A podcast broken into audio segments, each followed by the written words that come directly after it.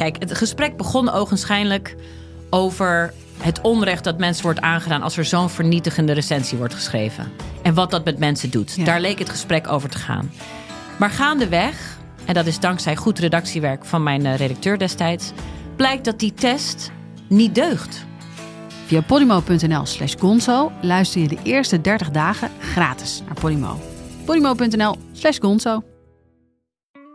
In de podcast Radio Romano met Noortje Veldhuizen Met Marcel van Roosmalen. En met Roelof de Vries. brengen we alle drie elke week een zogenaamde signalering mee. Wat heb jij nou weer bij? En aan het eind bepalen we wie de winnaar van de week is. Echt een angstcultuur Lege huls die je er bent? Ja, dat gaat eigenlijk altijd onvriendelijk. Luister nu naar Radio Romano bij Podimo. Via podimo.nl slash Radio Romano luister je 30 dagen gratis. I accept your nomination for Vice President of the United States of America. She was probably nastier than even Pocahontas to Joe Biden. She was very disrespectful to Joe Biden, and it's hard to pick somebody that's that disrespectful. I think that there is so much about what comes out of Donald Trump's mouth that is designed to distract the American people from what he is doing every day. The idea that he would say something like that. No president, no president has ever said anything like that. No president has ever used those words.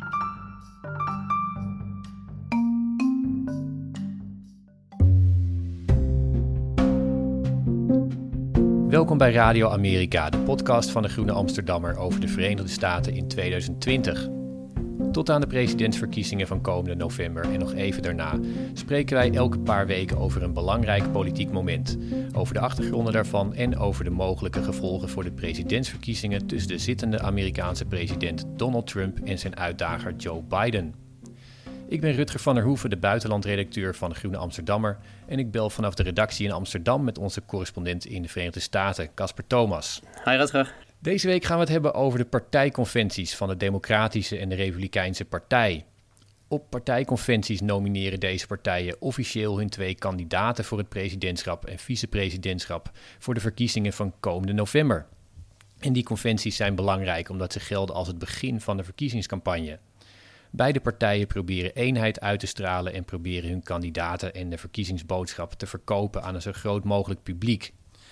Casper, heb jij die conventies ook echt ge- gevolgd trouwens? Of ben je, heb je de samenvatting bekeken de volgende dag? Nee, ik heb zowel het grootste deel ook echt gevolgd. Eh, eh, alleen dus helaas niet aanwezig eh, in, in, in tot het de nog gevulde stadion... eh, waar wordt, met vlaggetjes wordt gezwaaid en eh, eh, het Amerikaanse volkslied eh, weer klinkt. Maar eh, Ja, helaas wordt thuis van... van een mooie ervaring volgens mij. Maar Ja, het is allemaal thuis achter de livestream. eh, en dat geldt dus niet alleen voor de journalistiek, maar ook voor, voor de deelnemers. Eh, de uit de hand gelopen corona-epidemie in de Verenigde Staten houdt iedereen eh, achter het beeldscherm gekluisterd. En eh, eigenlijk bel je mij nu op het moment. eh, vandaag zijn de Republikeinen begonnen met hun conventie. Ik ben aan het kijken. Zojuist is Mike Pence genomineerd als vicepresident. En het is even wachten nog op het moment dat Trump officieel zijn krans weer omgehangen krijgt. En, en daarmee de kandidaat voor de Republikeinen wordt. Die conventie die werd een enorm succes gezien voor de Democraten. En ehm, ja, de lat werd een beetje hoog gelegd. Zo, zo- werd het in ieder geval in de media gepresenteerd voor de Republikeinen... dat ze daar toch moeilijk overheen eh, zouden gaan. Heb jij dat ook zo beleefd of niet? Ja, wat, wat ik het interessantste vond aan wat de Democraten deden. En dat is natuurlijk ook weer te verklaren van het feit dat de, de, de, de uitdaging om Trump te verslaan een, een formidabele is. Maar het was een enorm eh, gevoel van eenheid dat zij probeerden uit te stralen. Oude vetus, eh, zegt hij tussen Bernie Sanders en het partij-establishment, om maar wat te noemen. Allemaal vergeten en iedereen achter één man, als één man achter Joe Biden. Eh, Oud-president, de, de, de Clintons, Obama. Het was echt een, een grote familieshow en, en, en er was geen, ja, geen, geen oneenigheid meer te bespeuren. Terwijl die natuurlijk best in die partij zit. Volgens mij is het ook volgens mij een echt Joe Biden wel eh, aan te... Ja, kun je dat wel echt aan hem ophangen, dat hij dat heel goed heeft gedaan. Ik had een, eh, een boek voor deze, eh, voor deze uitzending, had ik eens uit mijn kast getrokken. Presidential Elections, zo'n klassieker over Amerikaanse politiek. Van Polsky en Wodowski, al de twaalfde editie. Er stond in dat republikeinen traditioneel meer verenigd zijn en dat democraten over zichzelf denken als onderdeel van subgroepen. En dat ook die conventies dat meestal uitstralen. Stralen, dat op de republikeinse conventie uh, heel vaak uh, ja, iedereen die. Uh, volgt de leider en juicht hem toe, maar dat er op de democratische conventies toch nog best vaak uh, ja, de messen worden geslepen en, en, en afrekeningen worden gedaan. Maar dat was helemaal niet zo. En Biden heeft toch volgens mij best wel goed die ja, progressieve kritiek geneutraliseerd. Dat heeft hij toch ja, persoonlijk gedaan, gedaan? geneutraliseerd, of, je zou kunnen zeggen uh, deels overgenomen. Ik bedoel, Biden heeft een, een, een agenda uh, die een stuk progressiever is dan waar de democraten vier jaar geleden mee kwamen. En ik vraag me ook af, je, misschien moeten we dit niet alleen maar te sterk aan Biden ophangen. Ik krijg, ik krijg sterk de indruk dat echt de Democratische Partij zich als geheel, bij wijze van spreken, op dit moment verkiesbaar aan het stellen is. En alle zeilen bijzet, iedereen van, van stal haalt, alle prominenten. Weet je, niemand, niemand is afwezig, niemand houdt zich afzijdig. Dus natuurlijk is Biden het boegbeeld, maar het is echt, echt heel erg de, de, de partij als geheel aan het worden. En over ja, dat trouwens achter. Gek, uh... Ja, of uh, ga door. Nou ja, wat ik even wilde zeggen, dat dat nog wel interessant was. Want dat gebeurde dus net terwijl ik naar de Republikeinen aan het kijken was. Dat idee dat die Republikeinen dus altijd achter hun leider uh, gaan staan. Nou, daar hebben we deze keer echt de apotheose van kunnen meemaken. Het is voor het eerst in de geschiedenis heeft uh, de Republikeinse Partij op hun conventie geen verkiezingsprogramma aangenomen. de, de, de resolutie bestond eigenlijk uit één punt. We steunen alles wat Donald Trump gaat doen in de tweede termijn.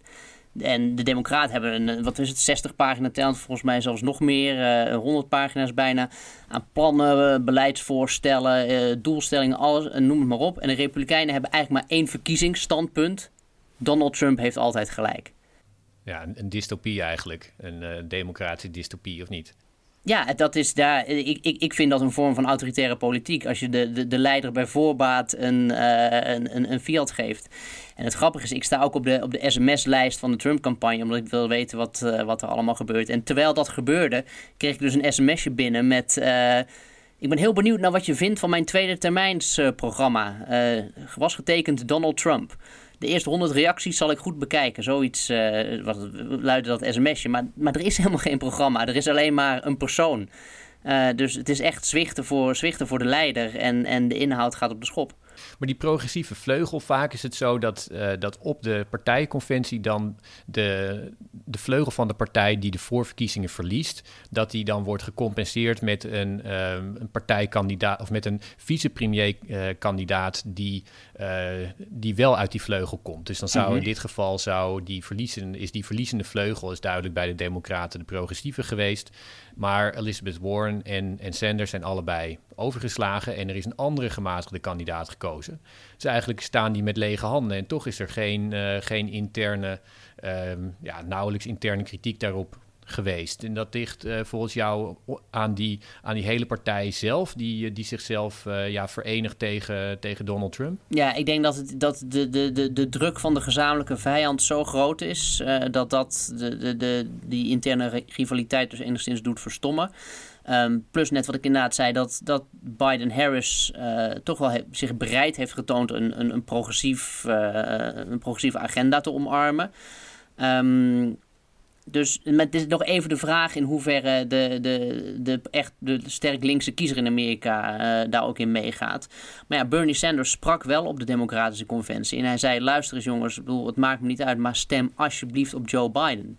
Dus over die eenheid gesproken. Bedoel, Bernie is natuurlijk niet eens een democraat uh, in, in, in formele zin. En ook hij zegt: uh, Joe is our man. Dus ik vind dat, uh, ja, die, dat, dat, dat Kumbaya-gevoel, om het zo maar te zeggen, ik, ja, ik, ik vind dat toch fascinerend. En, dat, en eenheid is natuurlijk wel een sterk uitgangspunt om een, om een verkiezing te winnen. Beter dan verdeeldheid.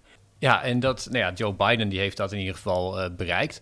Dat, uh, dat ticket balancing, dat is wel een interessant uh, onderwerp volgens mij. Dat, wat, je, wat je bij elke partijconventie kunt, kunt zien. Daar wordt dan een, een vicepresidentskandidaat gepresenteerd en die moet altijd de president aanvullen. En er wordt heel vaak gezocht naar iemand die, die kwaliteiten meebrengt die de presidentskandidaat niet heeft. Maar ook ja, belangrijk is dat zo iemand acceptabel moet zijn voor de presidentskandidaat zelf. Uh, McCain ging daar nogal uh, pijnlijk mee, de, uh, ging hij daar verkeerd mee toen hij Sarah Palin uitzocht en de twee vervolgens elkaar niet, niet leken kunnen uit te staan.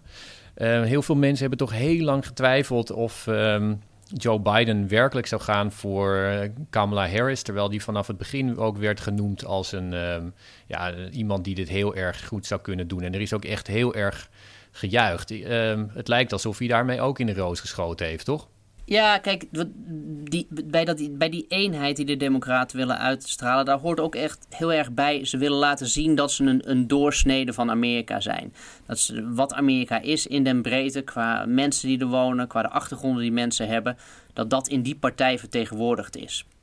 En vanuit dat oogpunt is Kamala Harris met een, een dubbele migratieachtergrond, een, een, Jamaicaanse vader en een Indiase moeder.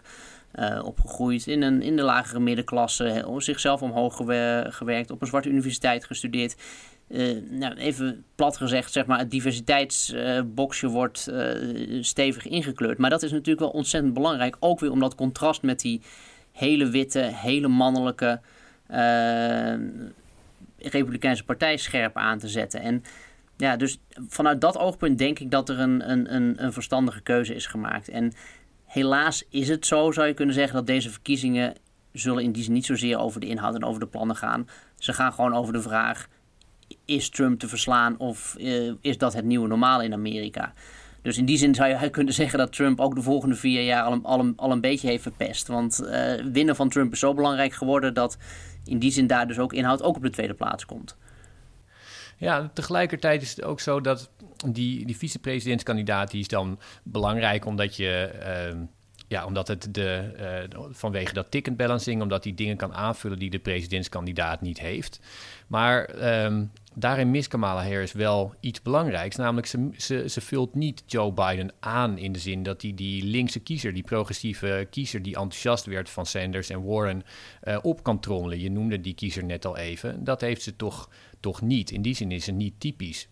Nee, dat klopt. En ik denk dat dat de zwakke, de, de zwakke plek is. Uh, maar goed, de, de, de, perfecte ticket bestaat niet. Er is altijd een zwakke plek. Ze gokken er echt op dat uh, de, de angst voor Trump bij iedereen zo groot is dat, uh, die, dat, dat het de Democraten vergeven wordt, als het ware, dat ze die, die hele progressieve vleugel niet op de kieslijst vertegenwoordigd hebben. dus dat is, dat is een beetje een gokje. Um, maar eigenlijk betekent dat de enige die hem nu echt hiermee verliest, zijn de mensen die zeggen: Nou ja, dan nog maar liever via Trump en alles naar de, naar de verdoemenis.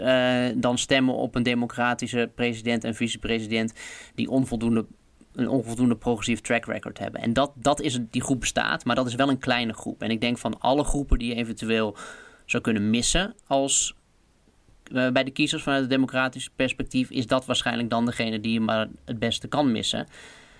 Maar het is wel een risico. En het zijn met name jonge kiezers natuurlijk die in die hoek zitten. En dat, dat ging natuurlijk in 2016 een beetje mis bij de Democraten. Dus het is een grote vraag. Kijk, ik zou zeggen, uh, jonge Amerikanen die om hun democratie geven, uh, stem op wat niet Donald Trump is, wat het ook wordt bij de Democraten, of wat het ook is geworden. Maar of dat ook gaat gebeuren, dat is ook echt iets om de komende tijd in de gaten te houden en ook om uit te zoeken voor mij. Iets wat ik vandaag las, dat, uh, dat, dat vond ik wel interessant. Ik las in dat, dat boek wat ik noemde dat um, de, het nut van de vicepresidentskandidaat um, bijna stevast wordt overschat om mensen naar de stembus te krijgen. Dat het eigenlijk maar ja, heel zelden gebeurt. Maar dat uh, een, een vaak onderschat probleem is hoe, wat voor ingang de vicepresidentskandidaat geeft voor negatieve aanvallen. En uh, met name uh, vrouwelijke uh, kandidaten, zou je kunnen zeggen, hebben daarin een, ja, een, een um, voorbeeld, een negatief voorbeeld in de campagne van 1984. Toen werd voor het eerst een, vrouwelijke vicepresidentskandidaat ge gepresenteerd, Geraldine Ferraro.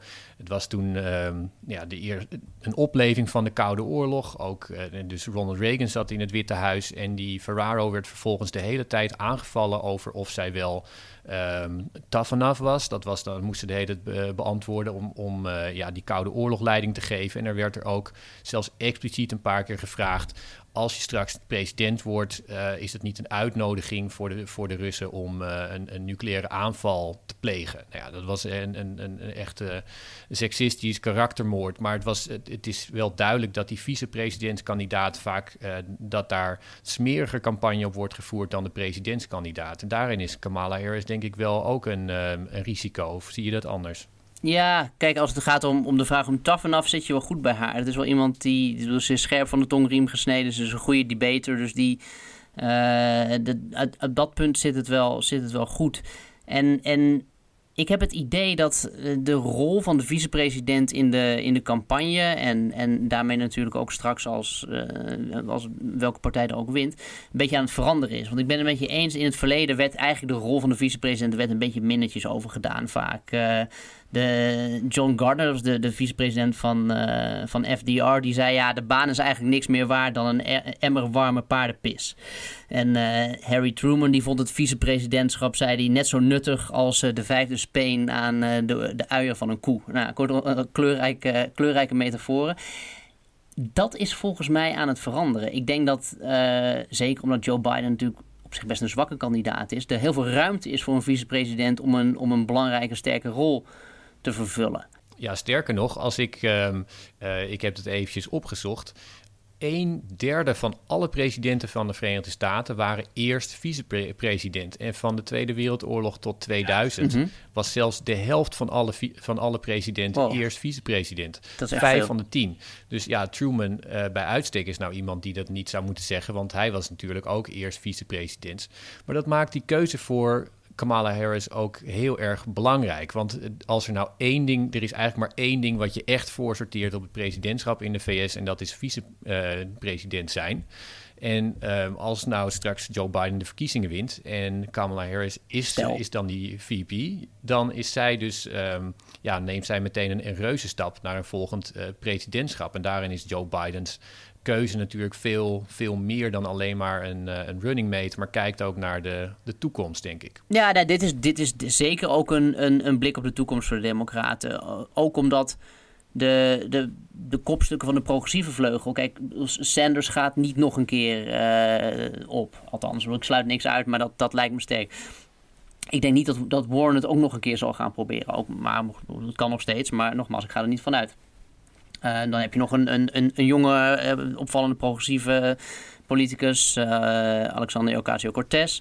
Weet je, dus die, die zal misschien, wij spreken linkzij komen, maar het veld is ook best leeg ineens eigenlijk. Het is een, dankzij die vorige voorverkiezingen. Dus um, ik denk zeker dat we nog veel van Harris gaan horen en dat we haar uh, terug gaan zien. En, en zij heeft ook duidelijk die ambitie. Dat, daar hoeft niemand zich enige illusie over te maken. Plus het feit dat Joe Biden heeft gezegd: ik word misschien maar een eentermijnspresident. Voor hetzelfde geld kapt hij er halverwege mee. Uh, en dan is nog de kwestie van zijn gezondheid. En dat draagt dus alleen maar weer bij aan dat punt wat ik net maakte. De vicepresident is nu veel meer dan een, dan een, een, een, zijwagen, maar echt onderdeel van de motor. Ja, als we het hebben over vice-presidentskandidaten, dan is er natuurlijk nog, uh, nog één. Dat is uh, die van, van Trump namelijk. Die heeft een, uh, Mike Pence heel erg eh, duidelijk uitge, opgedragen om de evangelische stem binnen te, te harken. Maar ja, hij... Ehm, is niet zo'n dynamische figuur. Ik, uh, jij, jij vertelde zelfs dat, hij, um, dat er werd ge, uh, geroddeld dat hij, uh, dat hij vlak voor de conventie dat hij nog misschien zou worden pootje gelicht en van het VP van het presidential ticket zou worden afgehaald. Dat, dat Donald Trump een andere kandidaat zou kiezen. Ja, nou, hij is dus nu net genomineerd. Dus die, die roddel die is inderdaad een, een, een, een roddel gebleken. Dus het wordt toch wel weer Trump-Pence.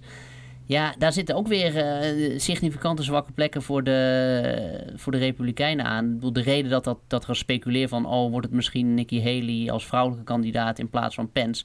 was omdat de Republikeinse Partij is uh, hard vrouwelijke kiezers aan het verliezen. Uh, met name de wat gematigde kiezer loopt ontzettend weg bij de Republikeinse Partij als het om vrouwen gaat. Die, dus dat is een, da, daar zijn ze echt wat aan het verliezen. En dat, ik denk dat dat iets gaat worden dat de Republikeinen zomaar zou kunnen opbreken tijdens de verkiezingen. Ja, en in ieder geval in een toekomst na Trump.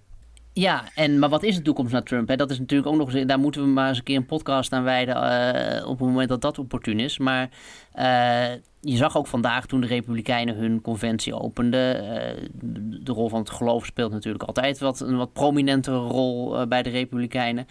Maar het, ging, het, eerste wat eigenlijk gezegd werd op die conventie was een spreker die voorging in het gebed. Er was nog niks gezegd of het ging meteen over abortus dat dat zo verschrikkelijk was en een, en een zonde en een kwaad. En dat zet natuurlijk wel de toon. En het is een hele, een hele smalle agenda, maar wel eentje met een, een heel loyaal kiezerspubliek dat daar heel veel belang aan hecht.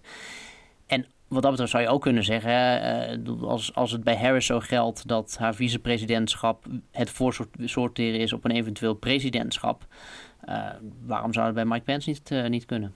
Ja, de christelijke kiezer en Donald Trump, daar moeten we het zeker nog een andere keer over gaan hebben. Ja, die zetten we op de lijst, Rutger. Die zetten we op de lijst. Oké, nou goed, goed om je te spreken. Dan bellen we een andere keer weer. Oké, spreek gauw weer. Tot dan. Hoi.